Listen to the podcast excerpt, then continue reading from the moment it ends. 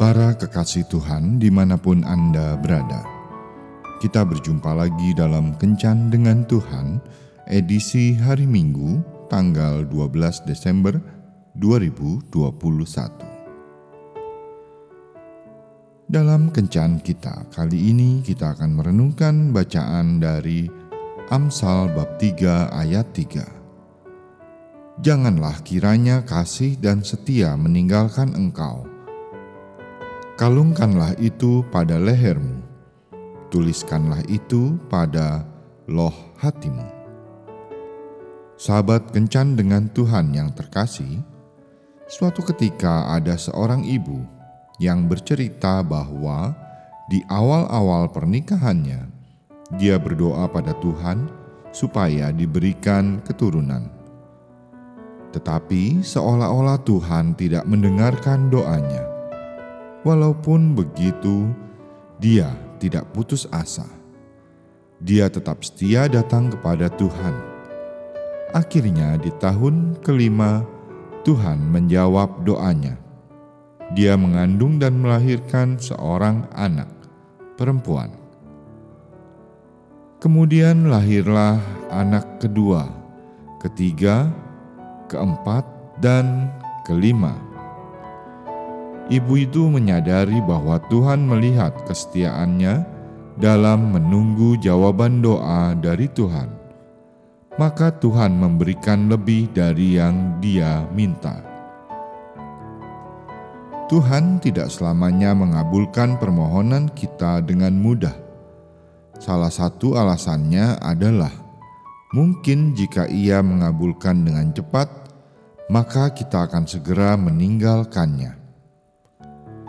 Kesenangan atau jalan hidup yang tidak dihiasi oleh kesulitan memang sering membuat manusia lupa akan Penciptanya.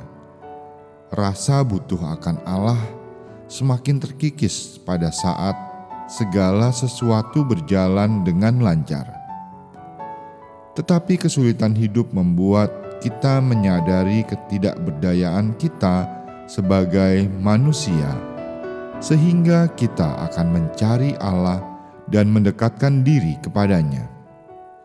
Namun, sangat tidak adil rasanya jika kita hanya mencarinya pada waktu kita menghadapi kesulitan, atau hanya di saat-saat kita membutuhkan pertolongannya.